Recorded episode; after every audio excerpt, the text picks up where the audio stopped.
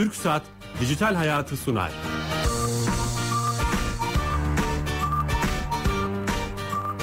Merhaba. Kenan Bölükbaş ve Ali Fuat Gülmez'in yapımcılığını, Sedat Karabel'in teknik yönetmenliğini, Bilal Eren'in danışmanlığını yaptığı teknoloji ve sosyal medya programı Dijital Hayat başlıyor.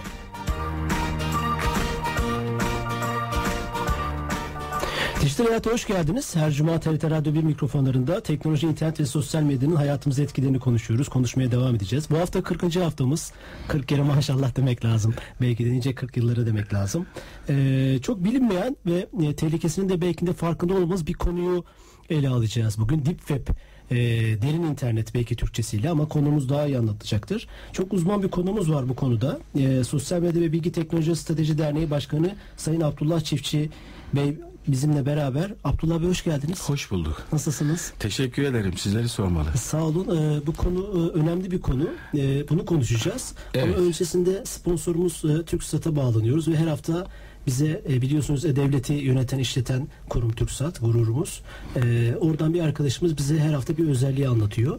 Ee, Tuğan Bey mikrofonlarımızı ve telefonu attığımızda kendisi canlı yayına bağlanacak. Ee, şu an yönetmenime baktım hazır değilmiş. Ee, bu Deep Web konusuna hemen belki girmekte fayda var. Şöyle bir olay yaşadım ben bundan 6 ay önce kadar. Ee, bir eğitim e, seminerinde işte orta öğretim öğrencileri diyelim. 11 yaşında bir çocuk bana Deep Web'i sordu ve ben Deep Web'i bilmiyordum. Ee, o 11 yaşındaki çocuktan öğrendim. Sonra tabii hemen eğitimden sonra merak ederek bakmaya çalıştım, öğrenmeye çalıştım. Ee, detayları sizinle konuşacağız. Ee, Tuğan Bey hattaymış. Tuğan Bey, Efendim buyurun. e, hoş geldiniz yayınımıza. Bulduk sağ olun. E, bu hafta hangi servisi, hizmeti bize anlatacaksınız? Aslında açılmamış bir hizmetten bahsetmek istiyorum ama Tamam. e, burada e, şöyle bunun sebebi de şu. E, önemli bir hizmet, çok da heyecanlandığımız bir hizmet. E, fakat açıldıktan sonra da ayrıca tekrar bahsetmek isterim. Önemli bir hizmet olduğunu düşündüğüm için. Şimdi biz uzun, uzun zamandır Emniyet Genel Müdürlüğü ile birlikte e, kişinin üzerine yazılan trafik cezalarını E-Devlet kapısı üzerinde sunmak üzere çalışma yapıyoruz.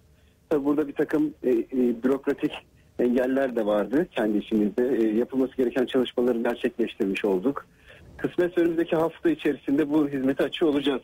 O, müjde verdiniz E, yani. yani evet evet yani gerçi ceza vermek, cezayı bilgilendirmek e, kişiye verilmiş güzel bir haber midir o tartışılır bir konu ama en azından mağduriyeti engellemek anlamında güzel bir haber vermiş olacağız. Şöyle güzel bir haber. Haberimiz olmuyor e, ve o Heh. giderek katlanıyor. İşte diyelim 3 hafta içinde veya 1 ay içinde ödemezseniz e, onun bir cezası var. %2, %3. Sonra da 6 ay sonra haberiniz olunca o rakam e, artmış oluyor. Böyle bir e, önemli bir hizmet bence. Evet evet ben de öyle düşünüyorum. Ee, bu tarafta uzun zamandır zaten bununla ilgili bir e, gelen talepler üzerinde bakıldığı zaman vatandaşlar çok beklenti içerisinde. Evet kapısına tek bir noktadan bunu görmek de istediklerini çok belirtiyorlardı. Ee, sonuçta burada şu var e, önemli bir noktada kişinin sürücü cezası yani sürücü kartına yazılmış cezası e, dışında plaka yazılmış cezasını da görme şansı olacak. Ha, o çok önemli. Yani evet zaten en çok haberin olmadığı nokta da o aslında bakarsan. Evet haftaya yayına girecek. O zaman haftaya bunu tekrar konuşabiliriz eğer hizmete Yani girmiş olursa. evet çok büyük bir aksilik olmazsa haftaya yayına girmiş olacak.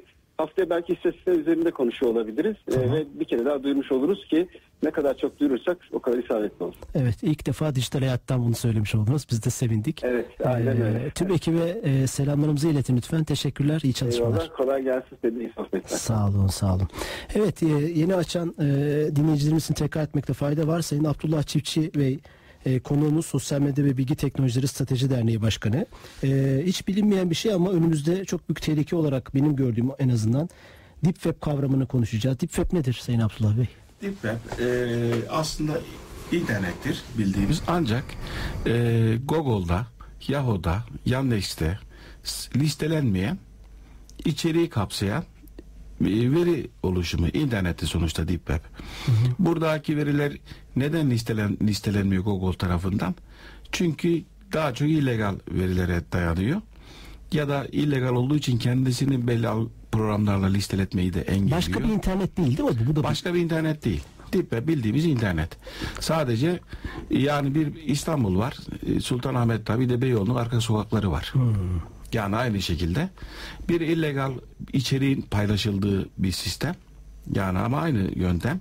Yani bizim şimdi dijitalhayattv.net mesela www diyoruz ya bunun evet. arka numarası IP'lerden oluşuyor. Tamam. Dolayısıyla Deep Web'de yine aynı IP'lerden oluşan ama değişik uzantılarla uzman olanların bulabileceği, erişebileceği yine bir internet ortamı. Farklı bir ortam değil. Sadece illegal faaliyetler var. Neler mesela? Mesela yani baktığınız zaman şimdi oradaki illegal faaliyetlerde uyuşturucu ticaretinden tutun da yani kiralık katile kadar birçok ilanlar var ama bunların sahtelik doğruluğu doğrulatmak da mümkün değil. Yani Deep ilgili medyada çıkan haberlerin çoğu e, herhangi bir e, istatistiki veriye dayanmıyor. Biraz şehir efsanesini andırıyor daha çok. Çünkü dünya 7 milyar dünya insanı var. Bunun yaklaşık 3 milyarı internet kullanıyor ve bu insanların paylaşımları Google, e, Yahoo'da, Yandex'te biz bunları görebiliyoruz. Evet. Dolayısıyla Deep Web zannedildiği gibi büyük bir bilgi paylaşımı değil. Sadece e, siber dünyada şan, birbirine şantaj yapmak isteyenler mesela Wikileaks Deep Web'ten doğdu. Yani Wikileaks'le nasıl ki e, dünyadaki değişik ülke liderlerinin sırları or çıkıyor, paylaşılıyor. İstihbarat örgütleri. İstihbarat örgütlerinin. Dolayısıyla birbirini jurnalamak isteyen şirketler, istihbarat örgütleri, şahıslar e, Deep Web yöntemiyle birbirini ifşa ediyor. Orada şimdi bu tür olumsuzlukları saymak çok da anlamlı bir şey değil. Sadece illegal faaliyetler var.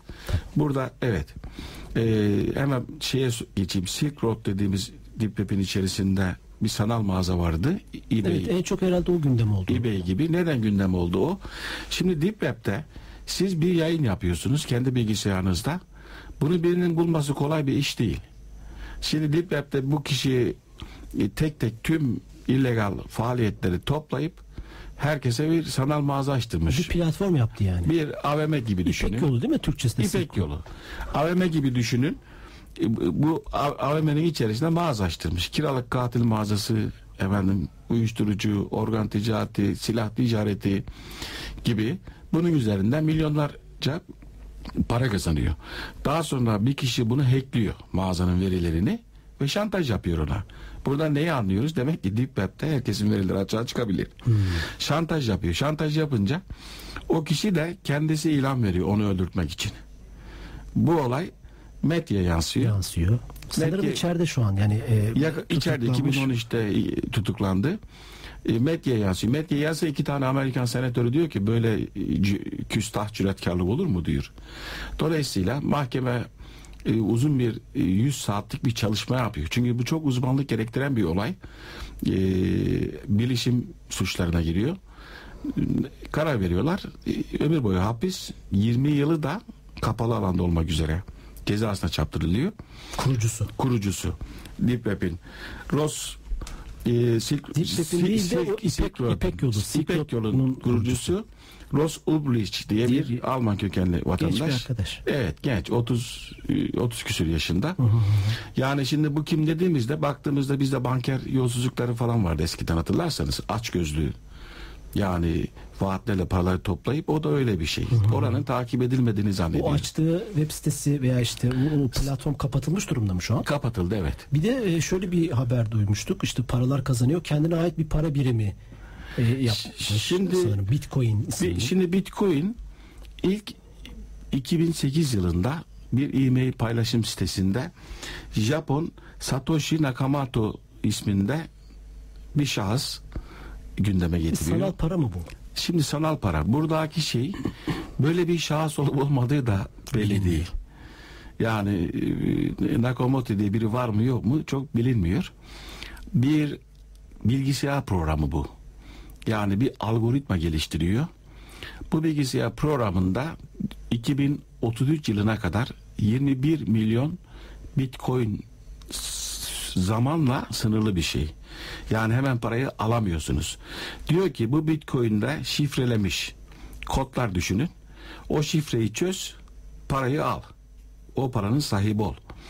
O şifreyi çözmek için çok fazla bir beyin gücüne yani CPU gücüne ihtiyacınız var.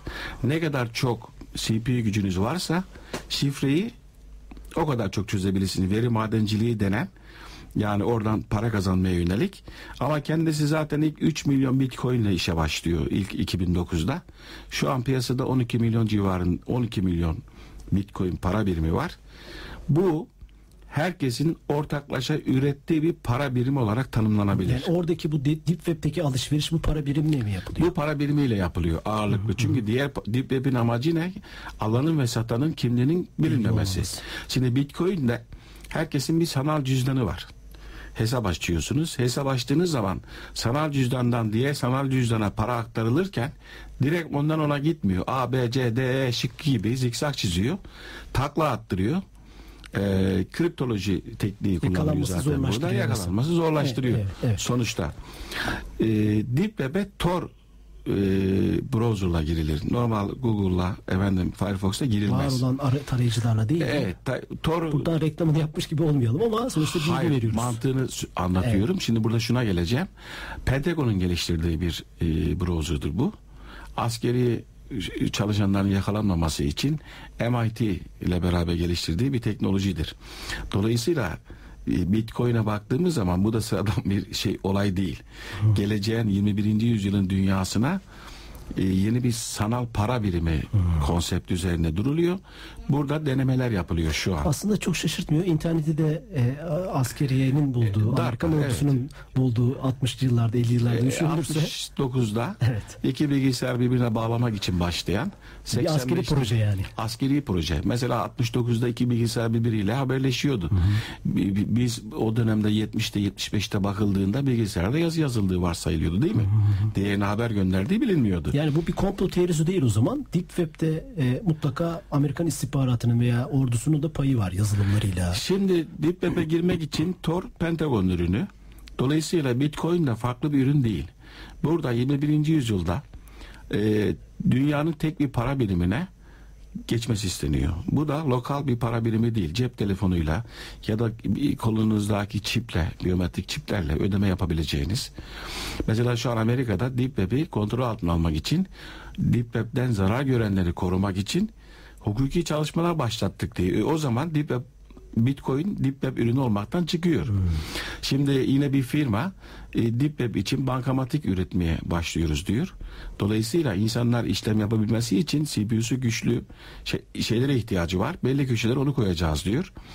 Yine Deep Web ile ilgili borsa kurma çalışmaları gündemde. Yani zaten toplam 5 milyar dolar civarında bir para dönüyor ortada. Şimdi mantıken düşünün. Amerika Merkez Bankası e, FED diyebiliriz değil mi? Bu doları basıyor. E, 1967 yılına kadar bu dolar altın karşılığı bastırılıyordu. Sonra bir karşılığı yok.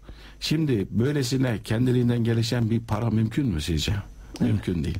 Dolayısıyla her şey kontrol altında. Kontrol edilmeyen herhangi bir mekanizma yok. Şimdi e, e, bu hani buradan çıkarak aslında birçok şeye ulaşabiliyorsunuz noktaya ama gençler özellikle hani Evet. Z kuşağı dediğimiz internetle doğan Evet. dijital yerli e, dediğimiz kesim gençler e, jenerasyon diyelim Evet. Deep Web'i biliyor belki de kullanmaya çalışıyor merak ediyor. Evet. Ya burada ne yapmak lazım hani e, bunu belki bir eğitim seminerleri şeklinde Deep Web'i anlatmak mı lazım yoksa hiç üstünde durmamak mı lazım? Bence çok üstünde durmak lazım. Çünkü durdukça biz kendimiz onun da reklamını yapmış oluyoruz. Ama eğitmek de lazım. Çünkü internetin zararlı yönlerini anlatmak lazım. Bir kere Deep Web'e girdiğinizde otomatikman bilgisayarınız güvensiz saldırıya hazır halde oluyor. Eğer alana girmiş oluyor. yöntemini bilmiyorsanız. Çünkü sizin e, e, her türlü virüs, trojeni alma şansınız var herhangi bir şekilde bir deep web sitesine girmişseniz mutlaka bilgisayarınızı mutlaka anında tüm çerezlerin temizlenmesi lazım. Kişisel bilgileriniz Kişisel bilgilerin temizlenmesi O zaman lazım. burada en önemli uyarımız e, Evet. kişisel bilgiler veya mobil telefonlardan bilmiyorum mobil Mobil, telefon- telefonlardan konum mu? yerinin kapatılması lazım. Yani o şeyin mutlaka o güvenlik önlemlerinin alınması lazım. Mutlaka güvenlik önlemi almadan şimdi deep web e, korumasız bir ortam girdiğinizde sizin mesela kameranız varsa kameranızı anında kullanıma açabilirler. Yani dolayısıyla kamerayı bir kere sökülmesi lazım deep web'e girilecekse. Yani deep web koruması bir alan. Şimdi Google'da, Yahoo'da, Türk Telekom'da top, internet kullanırken koruma özellikleri var. Ama orada her şeyle karşılaşmanız mümkün. Bu uyarı önemli burada. Evet. Sonra dedi başka bir şi- Şimdi başka Deep Web'deki flash mesela flash kullanımlarda konum belirlemesi çok daha rahat oluyor. Flash programı olan şeyler girdiğinizde sizi zorluyor. Birçok şey onu indirin bunu indirin diyor. Hiçbir şey indirmeyin bilgisayarınıza. Deep Web'de bir ortama girerseniz e, direkt formatlar atar. Tüm şifrelerinizi kaptırabilirsiniz. İkincisi e, Deep Web deki izlerim bulunmaz diye düşünmeyin. İnternette bulunmayacak hiçbir iz yok gerektiğinde. Yani Deep Web kontrol edilemez mantığı çok doğru bir mantık değil. Kapalı bir alan değil o da. Kapalı bir alan değil. Sonuçta her bilgisayarın bağlı olduğu bir mesela şimdi VPN gibi düşünün. Normalde buradan internete giriyorsunuz. Tor'un özelliği ne? Tor browser'ın. Girdiğinizde başkasının IP'sini size veriyor. Sizinkini ona veriyor. Dolayısıyla kim kimdir karışık. Yakalayamıyorsunuz. Ama en arka planda istenirse yakalanır. Hmm. Peki siz hani bir aynı zamanda bir STK'nın başkanısınız. Evet. Bunun bir de kamu yönü var. Yani Evet. işte hukuk hukuki yönü var. Peki bu yetkililer işte kamu devlet bunu biliyor mu bu tehlikenin farkında mı? Siz, Şimdi bizim sizin devlet- gözlemleriniz neler? Bizim devletimiz sanayi çağını yaşıyor şu anda. Bu bilgi çağının en uç noktasını konuşuyoruz biz. Dolayısıyla e, bu konuda elbette ki e, Milli İstihbarat Teşkilatı'nın, emniyetin siber bölümünün bilgileri vardır ama kamu genel olaraktan bu konulara Bilgisiz. uzaktır. Evet. Ya bu konuda aslında sizin STK olarak belki bu konuda Kuruluş başka amacımız bu zaten bizim. Deep Web'i anlatmak Deep Web derken genel anlamda teknoloji kullanana hizmet eder. Bir bıçak gibi düşünün. Doktorun elinde başka bir şey ifade eder. Katilin elinde başka bir şey ifade eder. Biz gençlerimize bunu doktor gibi kullanın mantığıyla güzel, çok anlatmak güzel istiyoruz. tarif ettiniz. Evet. Peki bu e, şimdi e, çok gizemli görünüyor aslında. E, Anlattıklarınızdan İnternet da evet. internetten de özellikle Web ve ilgi uyandırıyor. E, koruma yollarını da e, anlatmış oldunuz bir anlamda. E, girmemek en iyisi Evet. dediniz. Geleceği yani böyle bir şey inşa ederken veya bu işteki e, projeksiyonu nasıl görüyorsunuz? İşte e, Şimdi hem şöyle. burayı kullananlar hem burayı geliştirenler. Mesela işte para birimi yapıyorlar dediniz. Evet. Şimdi bu para birimi gelecekte tek bir dünya devleti projesi var. Ee, singularity dediğimiz yani insanla makinenin birleşmesi yapay zeka insanın görmesinin bir frekansı var. Kulağın da bir frekansı var. Üst sesi alt sesi duyamıyoruz. Gözümüzde de belli bir frekansın üstün altını göremiyoruz. İşte yeni teknolojiler insanın görmesini duymasını organlarını geliştireceği için algı ve gerçeklik seviyesi değişecek diyorlar. Buna en uç noktada singularity olarak tanımlıyorlar. Bunun da e, yorumlanmasını transhümanizm olarak tanımlıyorlar. Yani insan dediğimiz e, tanımlanan insanı değiştirmeye yönelik. Dolayısıyla bunun teknolojik altyapısı ne deniyorlar şu anda. Deep Web'de bu çalışmalardan Deep biri Web'de mi? bu çalışmalardan biri. Bitcoin de öyle bir Japon'un bulduğu kendiliğinden bir şey değil. Dünya sanal birim, para birimine hazırlanıyor. Bunun problemleri orada deneniyor şu anda. Yani e, e, olan bu. Ee, işte bir acayip bir şeyden bahsetmiş oldunuz hani transhumanizm. Transhümanizm çok duyacaksınız çok, bundan evet, sonra. Çok il- ilginç bir terim. Ee, Deep Web de aslında e, korkunç bir şeyden bahsediyorsunuz. Bir kişisel olarak korunma yöntemlerini de bir şekilde söylemiş oldunuz. Yani e, e, en önemlisi girmemek mi buraya? Yani bu Ya burada sisteme? girdiğinizde bir şey yok. Yani şimdi Beyoğlu'nun arka sokağında diyelim ki e, kötü bir mekan var. G- girmeden de biliyorsunuz ne olduğunu orada. Şimdi dünyanın değişik yerinde insan ruhunu hakikaten zedeleyebilecek olmadığı resimler paylaşıyorlar. Yani gör- görmek bir şeyi Ama değiştirmeyecek insan o merak resimleri. ederse ne yapacağız? Yani merak eder insan girer bakar geri çıkar. Ciddi bir şey yok. Öyle büyütülecek bir şey yok. İşte şey diyor mesela gençler biraz daha böyle işin e, çok suç olmadıklarını düşündükleri için işte kitaplar var. Evet. Ulaşamadığımız hani parayla almak zorunda olduğumuz kitaplar, müzikler, filmler, bugün sinemada olan filmleri oradan indirip bunların hepsinin telif hakkı var ve büyük suç hem vicdani bir problem hem hukuki problemleri var. Gençlerimiz belki bunlardan haberdardır ama böyle bakıyorlar. Bütün kitaplara ulaşabiliriz, müziklere ulaşabiliriz orada. Yok öyle bir şey. Yani kitaplar falan filan var ama bütün kitaplara dolaşacak diye bir şey yok. Ayrıca her şey kayıtlı ve suç. Aynı zamanda siz de söylediniz telef hakkı filan var. Şimdi internette daha tepeden bakarsak sosyal medya dünya asayiş bilgi sistemidir. Aynı zamanda hangi ülkede, hangi mahallede, hangi evde gündemle arka planda analiz edilebiliyor. Dolayısıyla seçimler de sosyal medya üzerine kayıyor analizlerle daha özel bir çalışma var. İşte Obama ilk dijital seçim kampanyasını yaptı 2008'de. Şimdi insanların normal şartlarda Facebook, Twitter'a yazdıklarının kalıcı olduğunu biliyor. Belki orada yazmayıp da kontrol edildiğini düşünerekten Deep Web'de kontrol edilmediği düşünerekten daha özel şeyler arayıp yazmaya kalkabilir ama aynıdır. Ha gençlerimize buradan biz dinleyenlere Evet. bunu söylemekte fayda var. Yani Tabii. internet kontrol ediliyor. Evet. Deep web kontrol edilmiyor algısı yanlıştır. Yanlış, evet. Ya Deep web'de kontrol. Dolayısıyla sanal şeyde bastığınız tuşa A bastığınız dahi hepsi kayıt altında. bu çok önemli bu yani. Tabii istendiğinde bulunur. Önemli olan o. Şimdi orada anlatılan şeyler var. Mesela Bitcoin'in algoritmasına bakarsanız açık kodla herkes bir şey ilave edilebilir. Çok CPU gerektiriyor. Bir Bitcoin'e bir parayı ele edebilmek Güçlü makineler için. gerekiyor. Güçlü makine. Bir de şimdi ödemenin şimdi sizin hesabı nerede açıyorsunuz normalde? Bankada açıyorsunuz değil mi? Orada nerede açıyorsunuz? Gidip sanal bir yerde bir ID sahibi oluyor. Bize bir kimlik veriyor. Sizin geçmişteki ödemeleri kimin kimle ne yaptığını bilebilmek için isim bazında değil işlem bazında şu, bugün itibariyle 45 GB'lık yer ayırmanız lazım bilgisayarınızda kendiniz tutacaksanız paranızı. Yoksa eğer bir serverda şimdi bankada en azından bir hukuki yaptırım var. Banka paranızı vermiyorum diyemez size. Doğru. Şimdi orada biz tutup serverda tutuyorsunuz Bitcoin'de paranızı size vermiyorum derse yapacağınız hiçbir şey yok. Bir de Bitcoin'den Deep Web'den alışveriş yapmalarını tavsiye etmem. İnsanlar söyleyemiyor ama %50'nin üstünde dolandırıcılık var. Özellikle bizim Türkiye Çinlileri çok dolandırdığı için Çinliler şimdi bit, Bitcoin'le Türkiye'lilere mal satmıyor. Çünkü burada şöyle işlem oluyor. Diyelim ki siz mağazadan gittiniz aldınız bu e, İpek Yolu mağazasından mantık. E, ticarette mal size teslim edilmedi derseniz o parayı ödemiyor karşı tarafa. Mal geliyor ama teslim almadım dediğinizde para ödenmiyor. Dolayısıyla öyle baktığınız zaman oradan bir şey al- alanların %50'nin altında aldığı şeyin gelme oranı. Ya bugünkü alışveriş siteleri gibi güvenlik çemberleri, Hayır, işte ne yok. bileyim teslimat garantileri. Tabii bit, bit, Vesaire yok. Bitcoin tamamen sanal para birimine geçişte insan davranışları problemleri ortaya çıkması için bir üst aklın projesi olarak bakmak lazım. Peki var olan internet o zaman ne olacak? Çöpe mi atılacak veya? Çöpe atılmıyor. O da internet, bu da internet. Bu legal olan, öbürü illegal olan.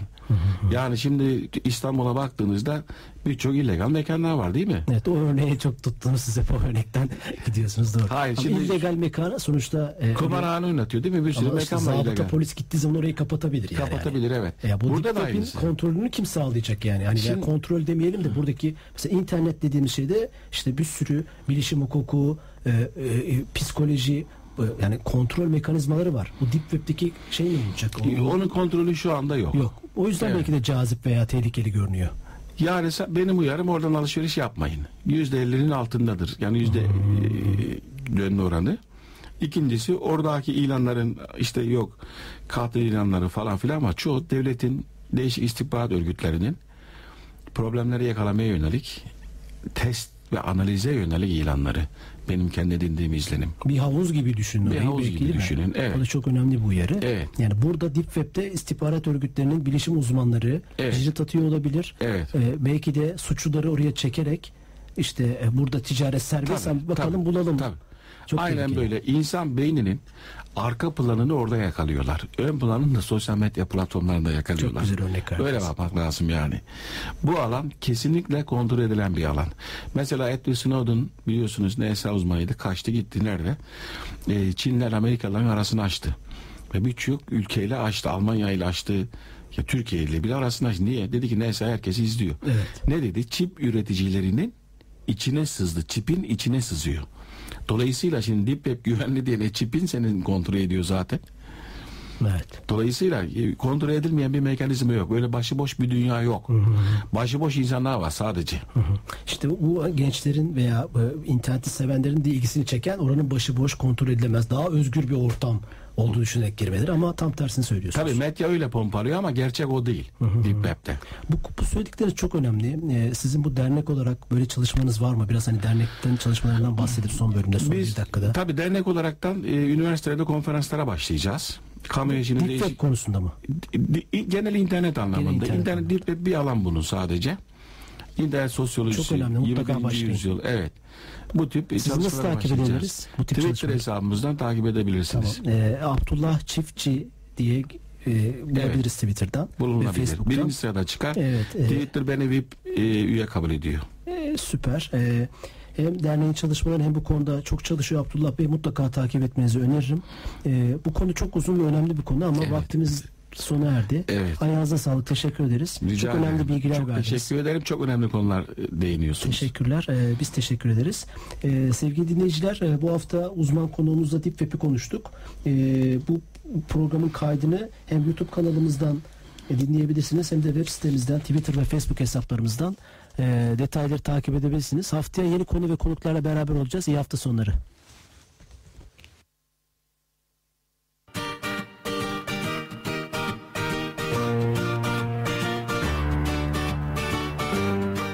TürkSat Dijital Hayatı sundu.